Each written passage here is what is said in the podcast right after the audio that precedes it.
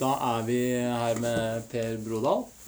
Um, og vi er så heldige å få komme hit til uh, Domus Medica og snakke litt med han. Vi skal snakke litt om uh, uh, Egentlig begynne med hva, hva, gjorde at du begynte å interessere deg for menneskekroppen og hjernen? Ja, det er jo arvelig belastet. For jeg hadde en, min far var hjerneforsker og anatom. Og, og, jeg har gått ganske tett i hans fotspor. Sånn at øh, jeg, jeg, Egentlig da jeg var ferdig med eller gymnaset den gangen, da, så, så, søkte jeg på arkitektlinjen i eh, Trondheim, og så på medisin. Og så kom jeg inn på medisin på loddtrekning til slutt. så valgte jeg det. Hvis ikke så tror jeg kanskje jeg hadde valgt arkitekt. Det var ikke verre. Ja. Men jeg har alltid likt å tegne og likt form og sånn. Og det, anatomi er jo veldig mye form. Og, og så var min far hjerneforsker, og så begynte jeg med, med eksperimentell hjerneforskning da etter førsteavdeling i medisinstudiet. Mm. Så da, etter det så har jeg vært trofast. Mm. Mm. Men du har liksom bare fortsatt uh, og like interessert i å lære enda? Ja, på en måte. Det jeg må si, det, er, det kan jeg være fornøyd med, syns jeg. At jeg har beholdt en ønske om å forstå mer, kanskje. da. Ikke mm. nødvendigvis lære mer, men, men, se sammenhenger, skjønne mer. Og det er klart, da må du Jo mer du kan, jo mer kan du, har du å, å bygge på. Det, man forstår ikke sånn ut av tomme luften, liksom. Nei, nei, nei. Og så har jeg undervist hele tiden og syns at det har jeg har ikke mistet gløden for å prøve å få andre til å um, se sammenhenger og forstå og formidle det jeg syns er spennende. Mm. For nå bare koser du deg med å forelese og holde kurs? Ja, jeg, jeg, kan ta Jeg er så heldig at jeg får litt flere tilbud enn de jeg uh, kan ta, så jeg kan velge litt de jeg mm. vil uh, gjøre. Som uh, f.eks. sånn som jeg hadde for uh, den, den barnegruppen i kiropraktikk ja. Mm. Eh, for litt siden. Mm. Så, veldig bra. Ja, takk skal du ha. Ja, du var der, men, ja. Eh, men det er jo veldig sånn morsomme grupper å undervise. De, mm. de, har mye praktisk erfaring, og de er veldig interessert. Og, så det, mm. Men syns du at det har blitt en økende interesse for hjernen? Ja, det er jo voldsom interesse for hjernen. Kanskje altfor stor, egentlig. Sånn, med å bruke hjernen til å forklare alt mulig. Så, så, det er jo veldig Det er egentlig et problem nå at man uh, litt sånn lettvint uh, skal forklare komplekse menneskelige fenomener med å, å, snakke om hjernen, mens hjernen kan Hjerneforskning kan forklare veldig mye om betingelsene og mekanismene som ligger bak eh, menneskelige tanker, følelser, handlinger osv., men hjerneforskning kan aldri forklare menneskelig atferd. Det nytter ikke å se inn i hjernen for å skjønne hos dere for å skjønne hvorfor dere kom hit i dag. Mm. Mm. Um, sånn at det er begrensning, men, men, i seg selv, bare maskineriet, er jo ekstremt spennende. Mm. mm. Men det er jo utrolig mye vi ikke vet ennå òg. Det er mye vi ikke vet, eh, det er helt klart. Eh, mm. Og så er det vel kanskje en del ting som vi aldri kommer til å Altså det å streve etter å skjønne sammenhengen mellom det Altså tanker og følelser er virkelig, ikke sant? Og det er egentlig mye mer virkelig for oss enn eh, nerveceller og aksjonspotensialer og joner og greier. Men de det er fysisk. Mens tanker og følelser er metafysiske. De er ikke, det er, så det er helt kategoriforskjellige fenomener. Mm. Og, den, og, og, det er klart du må ha en fungerende hjerne for å tenke. Men det er ikke hjernen som tenker, det er personen som tenker. Eh, det blir helt meningsløst å si at, uh, at egentlig så, mm. det, Men det er sånn man putter da psykologiske fenomener inn i hjernen, og så mener man at tror man at fordi at amygdala tydeligvis er viktig i et nettverk som har med følelser å gjøre, så har vi skjønt følelser ved å henvise til mm. amygdala. Mm, mm. Men du har jo ikke skjønt noe mer av Petter Solberg som racerkjører fordi om du har skrudd fra hverandre forgasseren på bilen hans. Mm. Men, Men, den er nødvendig å ha. ikke sant? Mm. Uten den ingen Petter Solberg-seier. mm. Men tror du på, på, sjel? Ja, du vet, det blir vanskelig eh, Sjel er jo et sånt veldig Det kommer helt an på hva du legger i det, ikke sant? Mm. Men, eh, så, så jeg tror jo ikke på sjel som noe sånn udødelig, noe som, noe som flytter seg. Jeg tror ikke på sjelevandring. Jeg tror vel heller ikke på noe evig liv. Eh, selv om det er mange ting jeg ikke kan forstå, så jeg vil jo si jeg er heller agnostiker enn en ateist. Mm. Men ehm, Men ehm, Hva legger du i det metafysiske da? Ja, det er jo vårt mentale liv som rett og slett er, er metafysisk i den forstand at det er jo ikke fy... Du kan ikke ta en tanke, ikke sant. Du kan ikke holde en tanke. Vi, vet, vi kan kartlegge veldig nøye forutsetningene for tankevirksomhet eh, i hjernen. Eh, men du kan eh, i veldig liten grad etterspore i hjernen hva, bå- både nøyaktig hva aktivitetsmønsteret var. Mm. Når jeg sitter og snakker nå, hva er det som Ja. Kunne du ut fra mønstre og, og, og av registrering av elektrisk aktivitet skjønne hva jeg snakket om? Det skulle noe til. Du kunne merke om jeg ble eh, veldig engasjert, kanskje, eller ikke, og, og noe sånn grove ting. Men så Men hvor oppstår tanker da? Hva? Hvor oppstår tanker?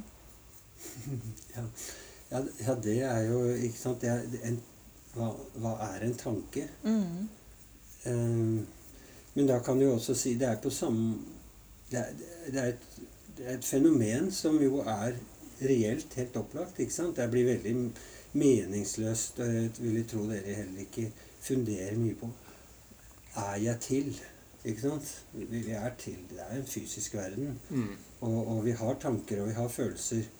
Og det er da fenomener som er knyttet til oss som mennesker. Og vi kan ta, en tanke kan du igjen, Vi bruker tanke Det er et sånt begrep som som har noe med vårt mentale liv å gjøre, og, og som de fleste skjønner hva vi mener med, men som må presiseres for hver sammenheng, egentlig. Mm. Hva, hva med, nå, nå sier vi jo stadig vekk 'jeg tenker at', der hva man egentlig burde si 'jeg mener', eller 'jeg tror', eller 'jeg har en forestilling om', eller et eller annet sånt, så sier vi hele tiden 'jeg tenker at'. Og da og ja, ja, ok, men ja, og det å, det å ha en forestilling, det å mene, det er også tankevirksomhet. Mm. Men så, sånn, sånn vi vet jo at f.eks. ulike sinnstilstander påvirker fysiologien. Ja. Mm. Eh, og, og den linken der, eller er det fordi vi ikke har vi vet nok, eller tror du at de, det mentale og det fysiske er helt atskilt? Eller tror du at vi ikke har spesifikke Nei, det er jo ikke atskilt, fordi at det er jo Det ene kan ikke eksistere uten det andre. Eller altså, du kan ha en fysisk hjerne uten tanker, selvfølgelig. Mm. Men, men eh, tanker uten en fungerende hjerne er helt det, Hva er det? Ingenting. Det, det er, det, er det, det blir bare nonsens, ikke sant? Eh, Mm. sånn som jeg ville si hvis du mener at hvis man begynner å snakke om at eh, trær tenker, Mm. så vil jeg si at det er, det er begrepsforvirret. Ja. Eller bruker tenker på en helt annen måte enn det vi vanligvis gjør. Mm. Men igjen, altså den overgangen fra Vi vet at det er elektrisk aktivitet og nettverk og alt mulig sånn som ligger til grunn for, for tanker, handlinger, følelser, alt sammen. Mhm. Men overgangen fra det Det blir det, Men det er igjen noe med Kanskje det er, er ikke så mystisk. Det er ikke mer mystisk enn forskjellen mellom en bil og begrepet transport. Uten bil, ingen transport. Mm. I hvert fall. Eller Ja, ikke sant? Mm. Eh, men det er to helt fundamentale du blir, og, og du forstår ikke transport bare ved å undersøke bilen. Mm. Men du kan finne betingelsene for det. ikke sant? F.eks. tar du av to av hjulene, så, så, så stopper det. Tar du bort temporallappen, så forsvinner hukommelsen. Mm. Uh, men du skjønner ikke derfor hva hukommelse egentlig er. Mm. For hukommelse, sånn som vi bruker det, det er noe som Det er en egenskap eller noe som et, en levende organisme kan uttrykke gjennom handling. Eller gjennom atferd. Mm. Og, og, Mm. ja. Alt skjer i en kontekst. ja. Ikke minst. Ja, det er helt klart. Eh, Sånn kan man dra noen paralleller til en PC som prøver å regne ut eh, Altså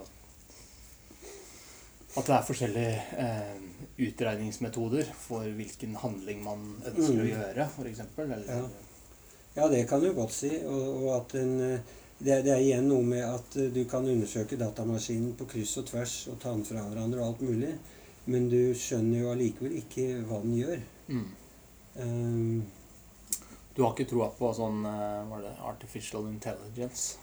At Jo. det som kan begynne å regne eller Nei, At, er at, liksom at, at man skal få en eh, Tanker, Plutselig så eh, dukker det opp en, en bevissthet og Ja. sånt. Det er jeg ikke veldig opptatt av. Nei. Men, men kunstig intelligens er jo egentlig eh, Det er klart det er et spennende, spennende fenomen, men det er litt gærent å kalle det det egentlig. Ja. For det er jo hele tiden avhengig av hva du putter inn. Ja. Og så kan det regne fort og gjenkjenne og lære masse enormt. Så det er jo fantastisk spennende sånn. Men det kan jo ikke erstatte vår Nei. tenkning sånn på nei. For det er jo noen forskjell fundamentalt, da biologisk, mellom det som Mellom de anatomene som er satt sammen til en robot, Mm. enn vår hjerne, da. Ja, ja, visst er det det. Mm. Og, ja. og, og veldig langt frem egentlig også. Uh, sier vel de som er kritiske og jobber tett på det. Det er veldig langt, veldig langt fra det man nå kan lage av sånne ting, til det som ligner på hva en menneskelig hjerne kan yte. Mm. Men vi har våre begrensninger som, som går nettopp på sånn eh, ekstrem behandling av masse bilder, f.eks. Er det noe sånt? For å gjenkjennelse og læring igjennom gjennom det og sånt. Hvor du kan men, men igjen, du må jo først Det blir ikke bedre enn det du har instruert den til å lære, ikke sant? Nei. Og, og, og man må jo selv ha et eller annet mål med hvorfor sette i gang dette. Mm. Hva, eh, et eh, spørsmål som jeg er veldig interessert i, er, er egentlig bare Altså, mange mener at det, det er mye sånn posturalmuskulatur og sånne ting driver mye av aktiviteten i hjernen, på en måte.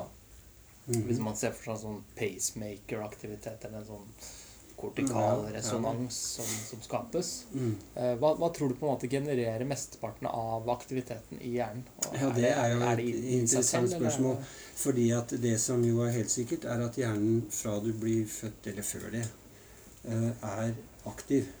Og, og noen tror at den er så veldig At det varierer så veldig. Men eh, den, sånn, eh, aktiviteten kan jo også måles ved, ved oksygenforbruk og glukoseopptak, ikke sant, som er det. Og da er det sånn at eh, så lenge du er våken, så kjører den omtrent 100% energiforbruk. Og når du sover, så er den nede i kanskje øh, 50% eller noe sånt. Mm. Og, og går du under 50 i, ellers, så er du bevisstløs. Ja. Um, sånn at det er elektrisk aktivitet hele tiden. Og Mm. det er jo mange som har spekulert på det. Hva er det som holder det i gang? Mm. Mm. Eh, og det er nok ikke Det er ikke først og fremst impulser fra periferien. Mm. For det trenger du nok ikke. Og tenk på en som Ja. har en tverrsnittskade. ikke sant? Mm. som får nesten ingenting fra kroppen. Det er jo, det er jo ikke bevisstheten som er problemet. Det er bevisst. Ja. Ehm, men det er klart at klyper jeg deg der, så blir du mer våken og sånn. Det er ikke det. Men, eh, og da er det eh, Du har brukt ordet pacemaker, og det fins jo celler, nerveceller rundt omkring mange steder som har sånne egenskaper. At, de, at, at eh, membranpotensialet, da, altså spenningen over det som utløser eh, utladninger, eh, det, det, det endrer seg av seg selv. Selv om ingen påvirker nervecellen, så endrer det seg, og så pang, så får du et eh, aksjonspotensial, og så endrer det seg igjen sånn. Mm. Og så kan det modu moduleres av andre opp og ned, ikke sant? Omtrent som om du gikk bortover veien i et visst tempo, og så kom en og dytta på deg så det gikk fortere. Uh, og så kom det en og prøvde å bremse deg, men uansett så gikk du hele tiden av deg selv. Mm. Uh, så, så det er én ting.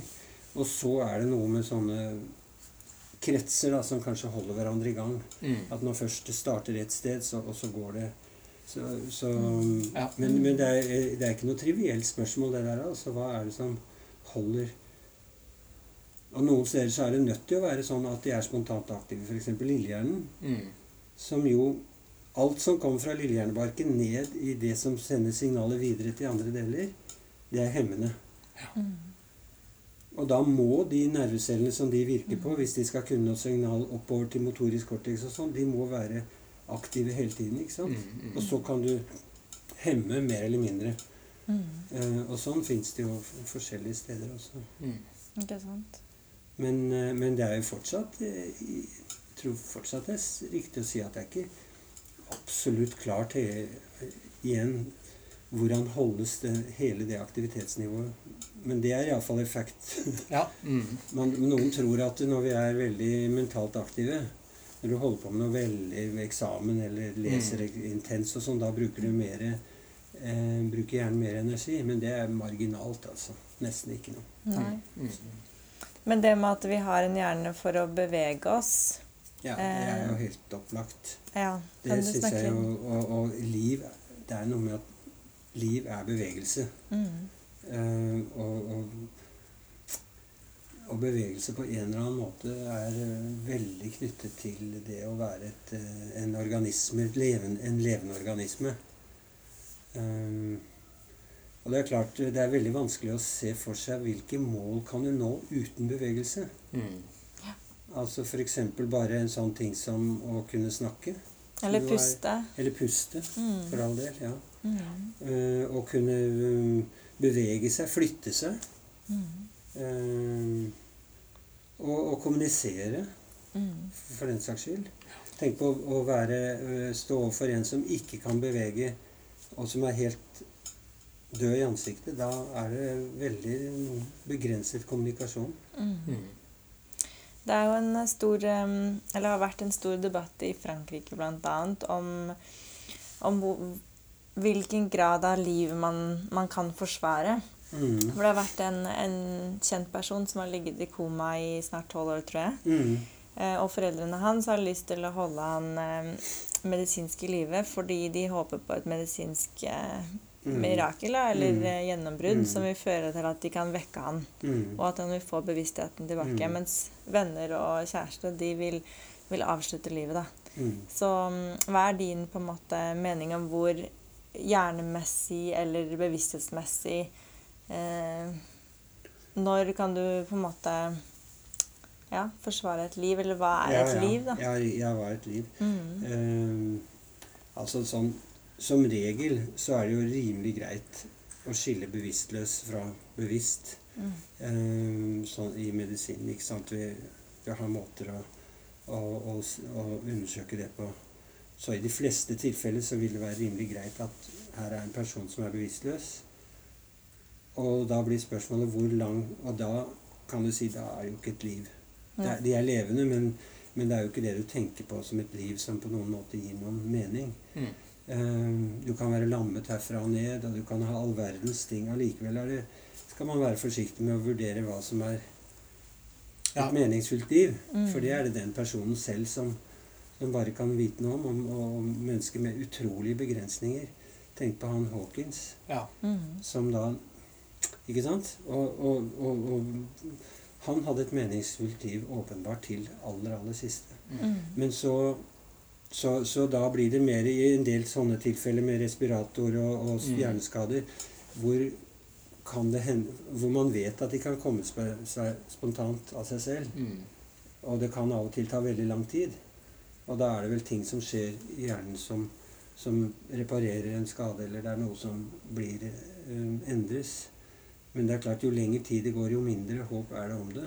Mm. Og også da ut fra hva, å se hvor store skadene er. da, Det kan man jo se ved MR og sånn nå. ikke sant, Hvis veldig store deler er ødelagt. Hvis hele hjernebarken er ødelagt, så kan du jo glemme noen muligheter til et, eh, et liv som kan gi noe mening, iallfall. Mm. Uh, men eh, Fordi det er der du finner Ja, og, og, og en bevissthet. En bevissthet hvis eh, Altså, Mm. du kan ha ødelagt hele en, ene hjernehalvdelen, og du er fullt bevisst. Mm. Eh, Så det er ikke det, altså. Og, og, så du må ødelegge veldig store deler før det blir virkelig bevissthetstap. mm. Det, det pussige er jo at du har en liten klump nede i, i hjernestammen, i, i det som heter mesencephalon, eh, retikulærsubstansen som det heter, som sender aksoner oppover til de øvre delene til hjernebarken. Og aktiviteten der, det er en bitte liten klump, Knopp, ja, sånn noen millimeter diameter.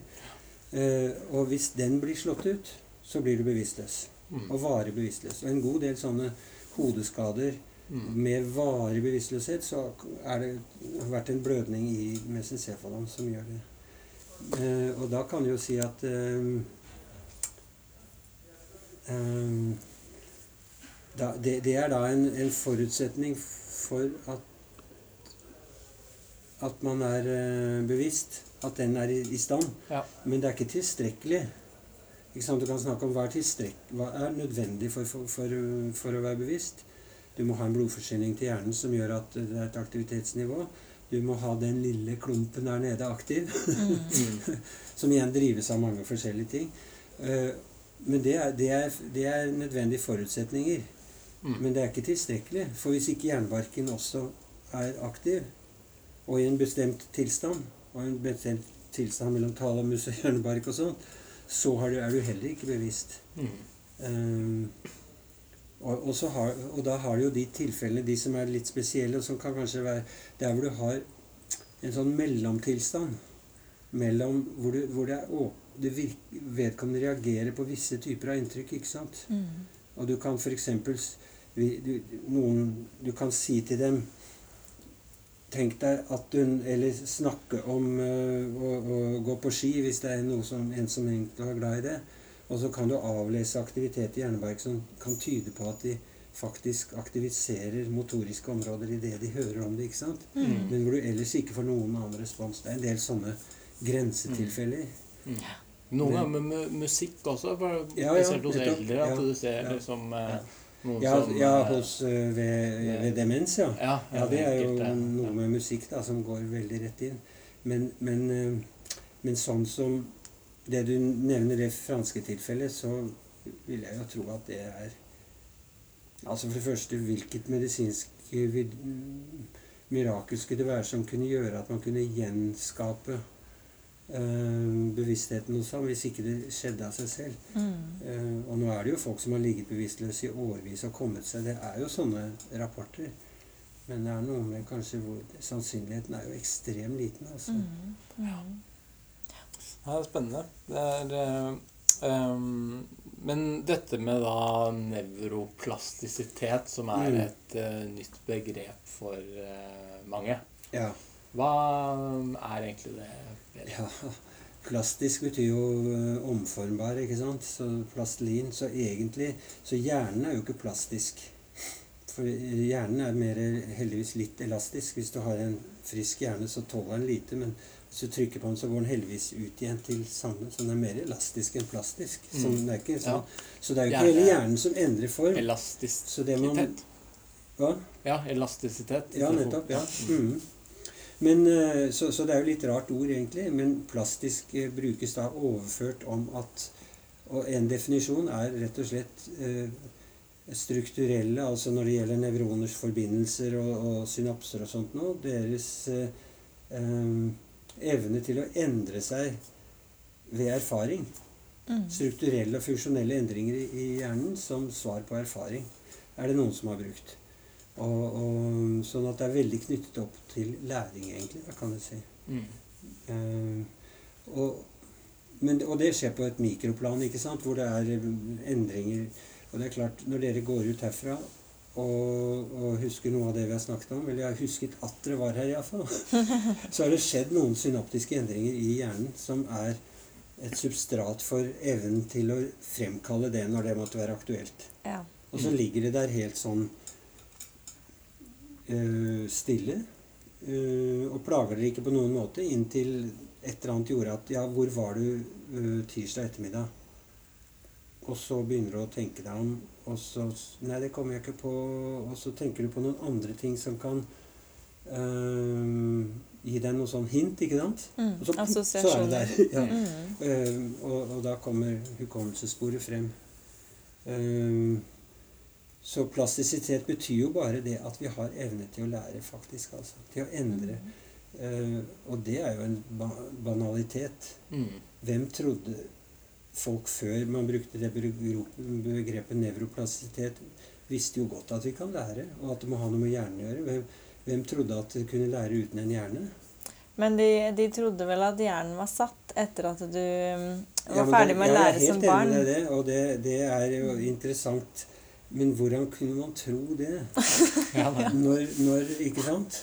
Ja, men Er du ikke enig? Jo, jo. Jeg skal ikke si annet enn at jeg godtok også det. Og Det er lett å være etterpåklok. sånn veldig statisk oppfatning av hjernen. Mm. Og at har du først en skade, så er det liksom Og har Mm. du øh, de og de Men det, det vet vi jo nå at nettopp den plastisiteten eller læreevnen, den er der hele livet. Men den er jo størst i barnealder, da. Ja. Det skal mindre til øh, for å lære, og, og eh, mer, mer etter hvert. Men når en hundreåring husker hva de gjorde om morgenen, om kvelden, så, så er det jo tegn på plasti, nevroplastisitet, det også. Mm. Mm. Så, så, så det er jo egentlig rart. Og faktisk sånne, sånne Sånn som han russiske hjerneforskeren Luria, eh, som levde for ganske mange år siden og skrev på 50-tallet, var jo langt forut Vesten i nettopp å så se den hvor, hvor plastisk hjernen var. Han, han brukte ikke det ordet. Mm. Så på Hva en brukte han da? Ja, han brukte vel eh, endringsevner, og, og han brukte at og, og særlig det med at hjernen ikke var statisk. Nei. Og han sa noe sånn som at eh, uansett hva som hender deg, selv om det er en skade eller hva det er, så prøver resten av hjernen å forstå, da, i gåseøyne, Mm. hva er det som har skjedd. Mm. Og det er jo noe av det som gjør at etter en hjerneskade, du kan ha ødelagt et område, så forstår du ikke symptomene bare ved de nevronene som er borte, men ved hva resten av hjernen prøver å gjøre for å forstå, på en måte tolke hva er virkeligheten nå, og, Mm. og hjelpe deg til å nå de målene som, som er viktige. Mm. Så, så nevroplastisitet, eh, sånn for å huske på at vi har læringsevne, og at det ligger til grunn for utvikling som barn, normal utvikling, eh, for evne til å lære i det hele tatt, og at man kommer seg etter hjerneskader. Eller muligheten for det, da. Mm. Mm. Noen ting som er litt fascinerende, er hvis, hvis du lærer for mye, rett og slett. Altså, eller at du, du utvikler for god motorikk, f.eks., så du kan få sånn type eh, Ja, ja, sånn- ja, nettopp, ja, riktig. Ja, og da kan du lure på hva ja, som ja, det- driver den eh, Mm. Du vet, eh, en lærer... Lærings... For det første så er det viktig, veldig viktig med læring å ha skifte mellom, mellom aktivitet og, og pauser imellom. Mm. Og alle som har spilt et instrument, tror jeg vil vite, har opplevd det at noen ganger så øver du, ikke sant? Og så tar du en pause, så kommer du tilbake etter et par dager, og så kan du det bedre enn du kunne da du sluttet Ja. Mm. forrige gang. Ja. Så det skjer noe underveis der. Og, og, og, og det har sikkert noe med en sånn veksling mellom, he, mellom tilvekst og, og fjerning av synapser, for vi vet at Mm. Ja, liksom avfall og hele Ja, kanskje det også, men også at øh, og, og en balanse mellom eksitasjon, det som driver, og det som hemmer, og det som holder igjen. Eh, så um, Og hvis du da driver på og på og på, på, og pøser på, så blir sannsynligvis systemet for eksitabelt, altså for Mm. opphiss, lett å drive. mm. Og det skal ingenting til, og da får du de der dystoniene, ikke sant? Mm. Mens et normalt bevegelsesmønster da vil ha den der balansen mellom driv og hemning øhm, hele tiden. Øhm, så, det er vel, så det er vel et uttrykk for, som du sier, da, sånne dystonier Det kan være feil, rett og slett et eller annet organisk feil i hjernen. Mm, mm. eh, Sånt noe, en sykdom. Ja. Men ellers så er det jo Man kaller det overanstrengelse, ikke sant? Mm. Og ja. Men har ikke det også litt med, med fatigue å gjøre? For det er jo sånn ordtak også at eh, det, at det ikke heter 'practice makes perfect', Mm. men 'perfect practice makes perfect'. ja, Fordi at man må, Ja. altså man må gjøre det riktig Mm, for å ja. få den uh, Ja. muscle memoryen. Det hjelper ikke å på en måte gjøre 10 10 000 timer med fiolin hvis du ja. sitter alene og bare kludrer. Ja, ja. Nei, også, også, nei, men det er helt opplagt. For det, det er Mm. noe med det 'learning by doing', som det heter. Mm. Uh, og, og det er jo da Og en pedagog som har sagt det er ikke bare 'learning by doing', men det er 'learning by reflecting upon what you are doing'. Mm. Men, uh, og og det, det ligger jo sånn læring av mer kognitive ting. Mm. Men også for motorikk eh, og motoriske ferdigheter. At du hele tiden har en slags feedback. Ja. Og gjerne en lærer, da. ja. Men, Og ta pauser, sånn ta at pauser. det kan skje en Ja. eh, Og så tror jeg at det handler også om Og det tar man jo ofte Det er ofte feil. At du begynner på for høyt nivå. Mm. Sånn? Du må ta stegene oppover og tro det at Og så skal du begynne å gjøre ting for fort, f.eks. Det kan jo Mm. mange ha, ha brent seg på. At du skal gjøre ting Riktignok skal for eksempel, Ta skiskyting, nå, da, som er inn- inne nå. Den skytingen skal gå fort. Mm. Og det er jo målet. Men du blir aldri noen god skiskytter hvis du tror at det må du gjøre så fort fra første øyeblikk. ikke sant? Fra Mm. første trenings... og på, det er veldig åpenbart at du Mm. må innøve bevegelsene langsomt, og så etter hvert. Mm. Og da har du, og det interessante er at da har du i hjernen en sånn Når det gjelder nevroplastisitet og Mm. nye synapser mens du holder på å trene La, la oss si en skiskyter. da. Du begynner med skiskyting. De områdene som er viktige da for å greie akkurat den derre å, mestre høy puls og Mm. Stabilitet. og stabilitet og, og ikke sant? alt det der, eh, som er jo veldig komplekst. D- Da ville du få nye synapser, og de områdene som var særlig viktige, vil du se at økte. Mm. Det kan du se på litt enklere ting som badminton og sånn. Så øker områdene i hjernen som har med det å gjøre, til å begynne med. Og så etter hvert som du begynner å bli automatisert og virkelig kunne det, så forsvinner Så ikke forsvinner, men da skrumper de ned igjen. Mm. Da er det bare de viktige igjen. Ja.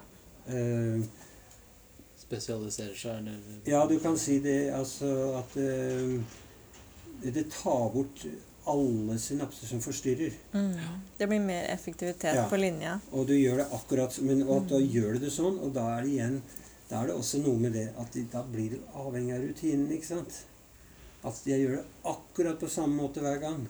mm. Tror du da at det har noe sånn i forhold til som, som er sånn Ja, det må, de må ha på seg den T-skjorta Ja, ja, helt sikkert. Ja, det, ja nettopp den typen av sånne den drakta eller den ritualer. eller eh, Akkurat, og hvordan de begynner. Og du ser sånn som han um, Warholm som gjør jo de merkeligste merkeligste rop og bevegelser og alt sånt noe, som er et ritual for å Og det kunne vært andre ting, men som, som er for ham et ritual til å samle oppmerksomheten og sette i gang noen, eh, noen eh, prosesser som gjør det helt klart for systemene at nå er det det det dreier seg om. mm. Mm. Det er ganske skult. Har du noen sånne rutiner da, for å holde, holde deg i form? Nei, ja, altså jeg, Det ser jo ut som som du er i bra form. Jeg holder meg i form, øh, øh, men jeg, jeg har ikke noe sånn veldig Ja, hva skal jeg si Nå, driver, nå driver, har jeg et sånt slyngetreningsprogram for å styrke Jeg har litt øh, ryggproblemer, det, Ja. så det prøver jeg å gjøre regelmessig. Og så mm, sykle og gå på ski og Mm. sånt for å holde Men jeg har eh, Så det er jo mest fordi at jeg både skjønner hvor viktig det er når man begynner å bli eldre, men også for at jeg har glede av det. For at jeg har Mm. drevet med idrett som ung. Og, Mm. så, men jeg har ikke noen sånne Han eh, rutiner sånn som liksom Nei. eh, Helt spesiell eller noe sånn maskot eller noe sånt som skal til. Du nevnte slynger. Mm. Han eh, Gitle Ja. Kirkesola Ja, ja, han, det er han som har gitt meg det programmet. er Kjenner sånn. ja. Jeg vet at dere kjenner hverandre. Mm. ja, ja, riktig. Dere har sikkert hatt en del interessante diskusjoner om, eh, om propriosepsjon og, Ja, ja, og, og, og Mange samtaler, mange morsomme samtaler. Ja. Ehm, det, det som eh, jeg syns var spesielt Jeg husker første gangen da jeg eh, opplevde ham. Da visste jeg ikke noe spesielt om ham. Han snakket om ja, sin behandling med slynger og sånt. da. Det var ganske mange år siden. Og da fortalte han en, en mann med en, eh, med en skulderskade. Hvor denne skulderen var sånn som det kan bli etter brudd og greier. ikke sant? Den så Mm. ut som et ras. Med, helt forferdelig. Og han hadde veldig dårlig funksjon. Og, så hadde, og det var snakk om å sette inn protese og greier. ikke sant? Og så hadde Gitle ham, da, og så hadde han i, i slynger og, og gjorde noen sånne ting. Og så plutselig så var den skulderen helt fri og fin. Mm. Som, som plutselig Å ja. Det, det var et av de tingene som virkelig fikk meg til å tenke at, at det er så mye hvordan kroppen oppfattes, Mm. og tolkningen av kroppen, som bestemmer hva vi syns vi kan og ikke kan. Mm. Uh, mer, veldig mye mer enn Iallfall når det gjelder sånn som skulder og veldig Ja. mange andre ting. ja. Mye mer enn hva hvordan tilstanden egentlig er. ikke sant? Mm. Det er klart ryggen har den og den degenerasjonen, og det kommer sikkert en del signaler derfra. Men det er hvordan mottakerapparatet tolker det, som blir Mm. Hvor farlig er egentlig det som holder på her nå? Ja, og det er det som er så gøy, som vi også ser i klinisk praksis når vi drar inn litt nevrologi, Mm. er at du kan jo ha en albuesmerte, Mm. og, så kan og så kan vi gjøre en eller annen ting som ikke har med albuen å gjøre. ja, ja, ja. Snu, snu på hodet, Mm. eller Ja, eh, gjøre en eller annen perifer stimuli på kroppen. ja. Og så er albuesmerten borte. Ja. Og hvordan Mm. forklarer du det uten å Det må jo ha skjedd en eller annen endring i Et eller, annet som, et eller annet som gjør at det er en alarm som blir skrudd av for akkurat eh. Ja. Mm. Og så er det vel også sånn at jeg tror det er vel 70-80% av mesteparten av ryggplager, da, Mm. eller muskler og skjelett, har egentlig ikke noe med vevskade Altså, Mm. det er ikke noe skade. Nei. Nei. Så, så hva Nei, man er det som finner ikke noe betennelse, Nei, eller man nei, finner ikke noe Veldig lite, iallfall. Jeg, jeg Mm. tror kanskje at det har Altså det, det vi vet sånn fra gammel fysiologi med sanseorganer og, og sånt, nå, det er jo at det, det kommer signaler fra det du ville kalle noseseptorer, men som jeg kaller homioseptorer, som hele tiden overvåker sammensetningen i kroppen og, og hvor sterk spenning er i veven og sånn. Veldig mye av de signalene kommer inn, blir, og så forholder systemene seg til det. Hvor, hvor ah, Er dette noe vi kan ordne på laveste nivå? ikke sant? Trenger vi å, bes, um, trenger vi å forstyrre direktøren? Nei. Mm. Det ordner seg. Vi snur oss i senga, vi flytter oss når vi står og altså, Mm. sånn. Tenker ikke på det. mm. Men hvis den av en eller annen grunn den der oppfatningen av at ja, men nå har jeg hatt en skade der, og dette er skumle saker, og hver gang jeg gjorde noe, så gjorde det vondt, så, så det er en læring i det òg, ikke sant? Og så vil da den termostaten, eller den sensoren for hva som er som bestemmer Nei, så mye før i tiden fra den albuen. Så mye signaler tålte jeg godt. Det gikk under radaren, det var ikke noe problem. Men nå er følsomheten økt så mye av en eller annen grunn. Mm. Lært pga. skaden eller på andre måter at, eh, at nå slår alarmen ut, og da opplever du smerten eh, og, og funksjonsnedsettelse og Mm. sånt også. Og det er jo det. Smerte kommer jo ofte i siste rekka etter at funksjonsnedsettelsen er, Mm. har vært dårlig en stund. Ja, ja, ne- Så det er en dårlig er en parameter for hvordan du har det, egentlig. En erfaring dere gjør. Mm. Ja, nettopp. Ja. Fordi, og det kan være noe med det at ja, men ok, det er ikke normalt. Du skal ikke kunne gjøre så lite, ikke sant? Nei. Eh, Mm. Da må det være noe gærent der ute. Omtrent som fantomsmerter. som jeg tror er en tolkning av at det er noe gærent i. Huff da. Men det som er litt med det vi snakka om nå, med at det smerte er også læring, Mm, det er jo det vi snakker om mye som klinikere nå. ja. Eh, at eh, kronisk smerte, hvordan det påvirker hjernen. Hvorfor er det vanskeligere, hvorfor tar det lengre tid å behandle kronisk smerte? Det er jo Mm. nettopp fordi du får de plastiske endringene. ja da, og så er det noe med at det smertesystemet må være veldig plastisk. Mm. Det må lære fort. Det er jo kjempeviktig.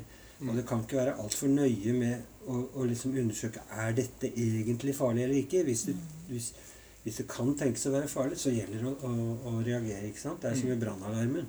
Du kan ikke ha en brannalarm som er lavt, stilt så lavt at det, du må liksom være full fyr før den slår ut. Mm.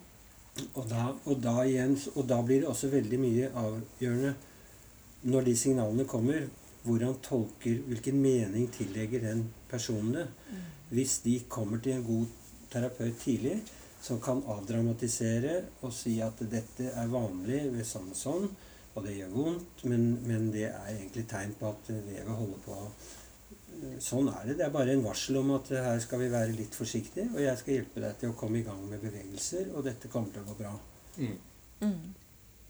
Og da blir meningen med det Dette er jo ikke noe truende, ikke sant? Og kanskje dere til og med gir noe hjelp til noe, noe, noe, hvordan de selv kan kontrollere. Snakke litt om hvilke stillinger, hvor mye kan jeg gjøre, hvor skal jeg, hvordan skal jeg ligge i senga, hva kan være, og sånt noe. Mm.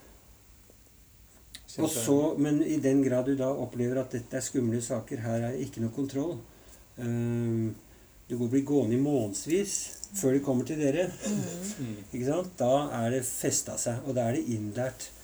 For du mener at det er festa seg mer hvis det er en negativ assosiasjon eller kontekst med det? Ja, ja, absolutt. Fordi at husk smerte er jo et varsel om at det er noe Det er, en alarm. Og, og da må du på en eller annen måte hjelpe dem til å skjønne Ja, men det var ikke Det, det var heldigvis ikke brann. Det var bare det derre stearinlyset. Mm. Mm. Og det er veldig mye deres jobb å hjelpe til med, Mm. eh, tror jeg. Ja, det blir som eh, barn som eh, slår seg litt, og så ringer alle varselbilene, Ja, ja, og da ja. mm, blir det helt eh, Nå må vi på en måte rushes på legevakta fordi at du Ja. har fått et skrubbsår. Ja. Og når du har holdt på med hvis, hvis du reagerer sånn hver eneste gang, for det, så, så lærer jo det at skrubbsår er skikkelig farlig. ikke sant? Da blir det lært godt.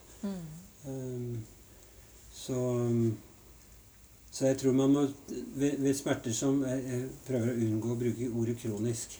Mm. fordi at Iallfall overfor pasienter. Fordi Ja. at det har en sånn Det er veldig rart i forhold til plastisk, da, på en måte. Hvis man er så opptatt av at hjernen er plastisk. Ja, Så og så blir kronisk, kronisk, ikke sant? ja, Som er sånn, kronisk, sånn ja. låst fast. Og, og tross alt eh, Veldig ofte så vil jo dere kunne si også at det kommer en som har hatt en fraktur, eller hva det var, eller et eller annet sånt noe. Og dere vil kunne si med ganske stor sikkerhet ja, men dette kommer til å gå over. Ja. Dette skal bli bra. Vi kan ikke si akkurat hvor lang tid, men Mm. dette kommer til å gå, gå bra. Og kronisk, da tenker man at dette er for evig, og jeg kan ikke gjøre noen ting med det. Mm.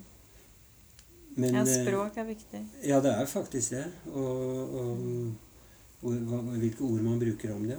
Eh, Men med langvarige smerter, da, eller vedvarende smerter, så tror jeg iallfall blitt opptatt av det at det er viktig å skjønne hvilken mening personen legger i det. Og meningen er for, Og det vil jo si Hva tror de selv det kommer av? Hvorfor er det så vondt? Eh, Og da går det an for dere å korrigere det litt, ikke sant? Mm. Og hjelpe dem til en annen oppfatning av ja, men det er ikke sikkert det kommer av sånn eller sånn. Det kan være det som er kanskje forhåpentligvis litt mindre farlig, da. Eller mindre, mer kontrollerbart. Og også hva betyr det for meg fremover? Ikke sant? Å komme inn i hva, hva og hvor han oppfatter vedkommende selv. Mm. Eh, hva det vil bety både nå, da, men også videre frem. Betyr dette at jeg ikke kan At jeg må slutte i jobben, at jeg ikke lenger kan drive med det jeg har lyst på, at jeg ikke kan være sammen med barna eller barnebarna, eller kan ikke Mm. gjøre sånn eller sånn. Mm. Så det henger jo veldig mye sammen med da, hva som er viktig for den personen, og hvordan det blir stoppet av. Og i den grad dere kan gi håp og, og hjelp til selvhjelp og, og kontroll, opplevelse av kontroll Mm. Altså ba, Bare det å vite Hvis du har en, en vond rygg eller noe sånt, eller en skulder, og så har du opplevd at det å gå til kiropraktor, det hjelper. Eh, Det de gjør, hjelper. Og, om, eh, og da kan det hende at det er like mye forventningseffekt som det dere fysisk gjør. Mm. Eh, Det er, det er jo helt umulig å finne ut, faktisk. Mm. Men, men det pytt sam.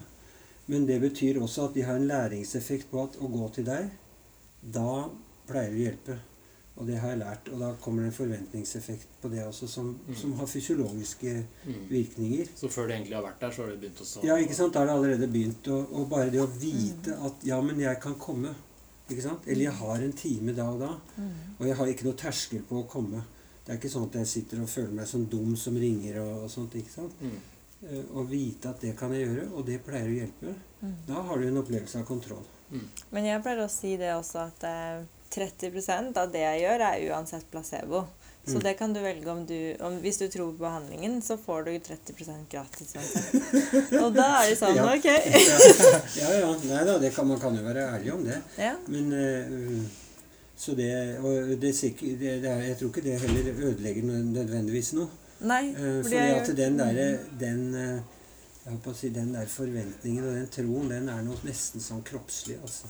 Mm. At, uh, som ikke går på akkurat ordene du bruker, eller noe sånt, men så mye som det å føle en tillit til at eh, det du jeg, jeg stoler på det du sier, ikke sant. Men jeg tror faktisk de gjorde en, en studie på medisiner også nå, hvor de fikk vite at dette er en Ja, ja, og placebopille. Og allikevel så ja, funka det. Ja, det er riktig. Ja, det er jo interessant. Det er jo fascinerende. Mm. Mm. Men det også å gjøre placeboen kul, da, og gjøre den fascinerende og positiv, og ikke som en sånn Å ja, men da er du Ja, og så burde vi egentlig slutte å snakke om placebo når det gjelder eh, menneske-til-menneske-behandling og sånt. Mm. Det er det vi driver med. Eh, Vi burde kalle det forventningseffekt Ja. eller noe sånt, og ikke placebo, for det er sånn litt ned. Å, Ja, det er det jeg liksom- mener. og, og Ja. placebo kan du bruke i medikamentforsøk og sånt, når du Mm. bruker salt, mm, eller Mm. virkningsløse ting. Det er greit, men det er en så Forventningseffekten er en så innebygget, så sentral del av oss, hvordan vi fungerer som mennesker, Mm. at det, blir, det er veldig dumt å liksom rakke det ned. Ja, det er det. det er bare placebo. Mm. Ja. Ikke sant? Det er jo gold standard. Det er jo det, vi måler være, alt mot. Det det kan være, er at det dere gjør som kiropraktorer, de har en, en spesifikk effekt. Ikke sant? Som er noe. Mm. Som er så og så mye som dere kan oppnå med det. Og så har dere en forventningseffekt i tillegg, hvis dere er gode Mm. og oppnår tillit. Og til sammen så blir det en bra virkning. Og så kan det hende at eh, en, en som da har eh, negativ forventningseffekt, eller det som kalles nocebo, ikke sant? Eh, fordi at de opptrår på en måte som ikke vekker tillit, Mm. ja, da ødelegger du den effekten du ellers Den spesifikke effekten du faktisk har av det dere gjør av grep eller andre ting. ikke sant? Mm. Så det er jo ikke likegyldig. Man, man er jo Mm. nødt til å Mm. utnytte den forventningseffekten. Mm. Og iallfall unngå Mm. Bare tenk å ta fra folk håp, f.eks. Mm. Og, si, og si sånne ting som at 'dette blir du nok aldri bra av'. Ja, ikke sant. Mm. Å nei, det er ja. Det gjør dere ikke. Det tror jeg aldri har, har gjort det, altså. Nei. Men eh, Nei. nei, ja. Nei, eh, har du noen siste spørsmål? eh, Det er et eh, spørsmål, eh, men jeg tror det tar litt for lang tid. Ja vel. Fordi Husker du den første du kyssa med, Per? På skolen? Eller om det var seinere? Ja. Ehm, nei, jeg gjør faktisk ikke det i farten. Men jeg Du husker din første spørsmålet. kjærlighet. Ja, ja. ja, det gjør jeg. Ikke sant? Veldig Mm. godt. Og det er jo, jeg skjønner jo hva du tenker på, dette med hva sånne ting Episoder som har hendt, eh, som man husker av hele livet. Ja. Og så spør du hvordan kan det forklares? Ja, egentlig. Ja. Nei, det, det er jo Altså, det vi vet, er jo at ting har med synaptiske endringer å gjøre. Og vi vet også at de synapsene varer ikke evig. De må skiftes ut. Proteiner varer ikke evig. Eh, sånn at det Og det betyr at det må være noe endring på gennivå. Altså ikke at DNA er endret, men det som kalles epigenetikk. At du får endring av hvordan DNA-molekylene uttrykker proteiner. At det blir litt annen mengde eller nye som Så på en eller annen måte så må det skje en sånn Og at da en veldig kort episode Ja, ja første kyss, Ja. da. Ikke sant? Som Ja. varte sannsynligvis ganske kort. Ja. Eh, og så er det noe med setting rundt, men det er iallfall veldig lite tidsmessig. Og som da setter et sånt avtrykk og, og blir, og må føre til noen slags uh, genetisk modifikasjon, sånn epigenetisk Det er nødt til å gjøre det. Mm. Og som så opprettholdes. Og så Ja. kan gjenkalles etter mange år, selv om du ikke har tenkt på det på mange år. ikke sant? Mm. Nei, det har jeg jammen ikke tenkt på hvordan det var. Men, men, jeg, men den første kjærligheten, eller den første ditt, eller et eller annet sånt, det er jo ofte sånn som du lett kan gjenkalle. Mm. Mm. Det må vel nesten være en sånn veldig sterk emosjonell komponent for at de eh, langvarige proteinendringene skal skje. Ja, altså stort, Jevnt over så vet vi jo det at vi husker ting mye bedre som har en emosjonell farging. Mm. Og det er jo det er helt sikkert. Mm. Men så er det jo også sånne episoder som kan huskes som egentlig ikke var så veldig det. Så det er ikke, det er Ja. ikke 100 sånn, men, men jevnt over så er det jo det. Mm. Og det må man jo bruke i all type undervisning. og Mm. ikke sant? Hvis ikke du får en eller annen sånn liten glød, så, så Mm. husker man jo veldig mye dårligere. Men, men det er av og til ting som huskes som ja, men det var jo ganske trivielt. Mm. Ja. For det blir en viss sånn viktighetsfaktor. Eller også Ja, en Jevnt over så er det jo det. ikke sant? Du bruker ikke oppmerksomheten. Oppmerksomhet er ikke en egenskap du har. Oppmerksomhet er noe som kommer når noe er viktig for deg. Mm. Så når du hvis Og når du lærer noe nytt. Ja, Mm. ja nettopp. Men hvor, hvordan, hva er forutsetningen for å lære noe nytt? Mm. Du At du er oppmerksom, ikke sant? Så, og da må du først ha oppfattet at dette har noe med meg å gjøre. Mm. Mm. Det, og det tror jeg ofte man roter det til med. Eh, Og så snakker man om motivasjon som noe sånn, liksom en eller annen sånn pakke som kan overføres. Men motivasjon er jo lyst til å gjøre noe, ikke sant? Og det må jo være fordi at dette er noe som Ja. jeg er interessert i, som har noe med meg å gjøre, som, som jeg vil ha glede av, eller på, på andre Mm. måter. Mm. Um, Ytre Ja. og indre styrt motivasjon. ja, Ja. og- ja. Hvis jeg gir deg 1000 kroner, kan du Ja, ikke sant? Ja. Nei, men det, det er jo ikke tvil om hva som er uh, viktigst drivkraft, da. Indre motivasjon. mm. Uh, og at uh, ytre motivasjon er Kortvarig. Ja, og, og kanskje egentlig eh, at indre og ytre Du kan ikke kjøre begge hestene samtidig i så veldig stor grad, altså. Du må Mm. satse på eh, Og da er den indre motivasjonen veldig mye bedre. Mm. Og det Så da skal man høre på magefølelsen, eller, eh, eller blir det litt eh, gærent hos de? Nei, jeg tror ikke det. Det er så gærent, altså. For det er jo å kjenne etter hva har jeg lyst på. Og da kan det være at uh, en, sant, Det er greit å kjenne på Nei, jeg, jeg har egentlig ikke lyst til å, å, å gå til den behandlingen i dag. Um, og så kan du selvfølgelig la deg styre helt av den, den ubehagsfølelsen der. Um, eller du kan prøve å se på at uh, ja, men jeg er jo egentlig Det viktigste for meg er jo egentlig å kunne nå komme tilbake på jobb. Mm. Uh, og, det er viktig, og jeg tror jo at uh, det kan hjelpe. Ja. Uh, og så videre sånn, ikke sant? Og Et da bygge opp en, en selv bearbeide Mm. til at og, da, og da blir jo en indre motivasjon som ikke er så enkel at det er bare det har jeg kjempelyst på, men, men som er mer kompleks, da, men som uansett fungerer veldig mye bedre enn det er kona som maser.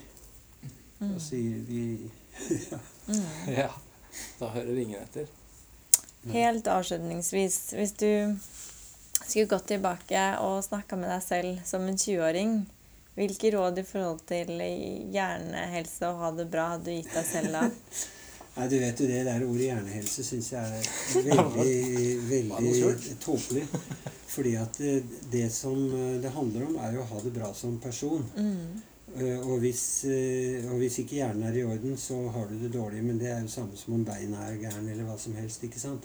Så, og hjernen, den, den er der og gjør det mulig for oss å gjøre ting. Og, og, hvis, og, da handler det jo om å gjøre de tingene som gir mening for deg. Um, og da blir det jo Så jeg tenker ikke hjernehelse Selvfølgelig kan du si det at du bør leve mest mulig sunt. Det er jo et dår- det, det slår jo ikke an hos en 20-åring. ikke sant? Mm. Spis sånn, gjør sånn, gjør sånn, og, og alt mulig sånt. For ellers så kan du komme til å få hjerneslag når du er 60.